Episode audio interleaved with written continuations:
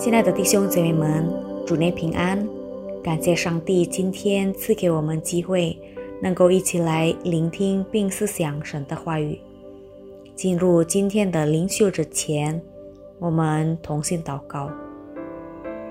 亲爱的天父上帝，我们满心感谢你，谢谢你再次带领我们来到你的面前，思想你的话语。求神帮助我们。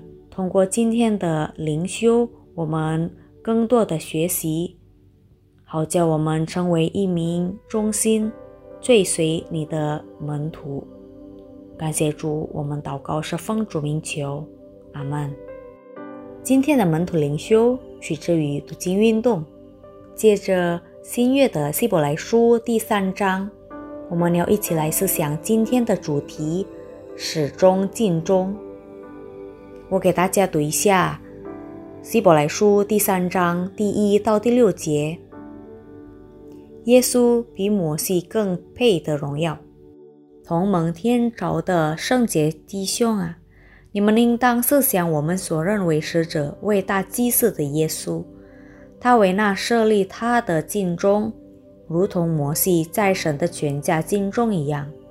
他比摩西算是更配多的荣耀。好像建造房屋的比房屋更尊荣，因为房屋都必有人建造，但建造万物的就是神。摩西为仆人，在神的全家诚然尽忠，要证明将来必传说的事。但基督为儿子治理神的家，我们若。将可夸的盼望和胆量建设到底，便是他的家了。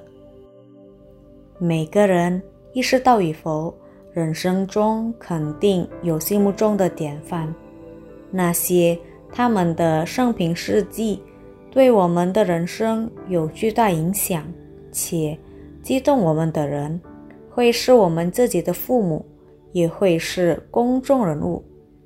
对以色列人而言，摩西是他们的典范。身为以色列的历史上最伟大的先知之一，摩西带领以色列民脱离埃及及为奴之家的那一刻所做的惊人事迹，令人难忘。更何况，他带来律法，成为以色列民作为上帝子民过信心生活的基础。摩西成为就业中典范人物的地位，使他成为第三章的焦点。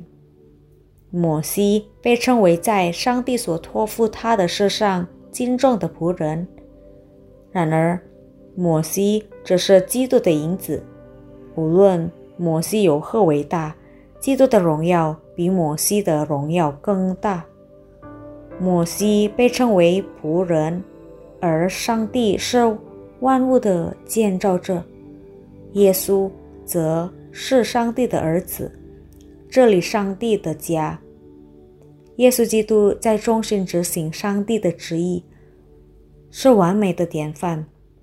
他带来世上除了执行上帝的旨意之外，没有其他的目的。摩西与基督的比较不是没有理由的。提及以色列民在旷野漂流时的不忠心且硬着心，作者给予严厉的警戒。不忠心使出埃及的那一代人被禁止进入安息之地，就是迦南地。这警戒理应使我们醒悟到，我们没有能力靠自己的力量向前跨步。我们被邀请，凭着依靠他的信心向前行。当你认为自己了不起、自豪能做任何事时，小心吧，好让你不知跌倒。硬着心，且不要再听上帝的声音。身为上帝子民的身份，不是取决于我们所拥有的以及我们所能做的。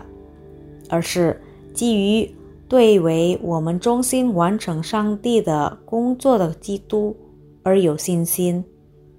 有许多人会决定跟随基督，但少数的人能对他忠心，趁还有机会来到基督面前吧，让他将我们刚硬的心改变成为对他敬重的心。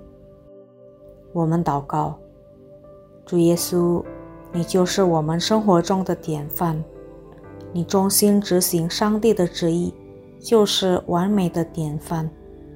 主啊，求你帮助我们，能够依靠你的信心向前行，忠心到底，并成为你所喜悦的儿女。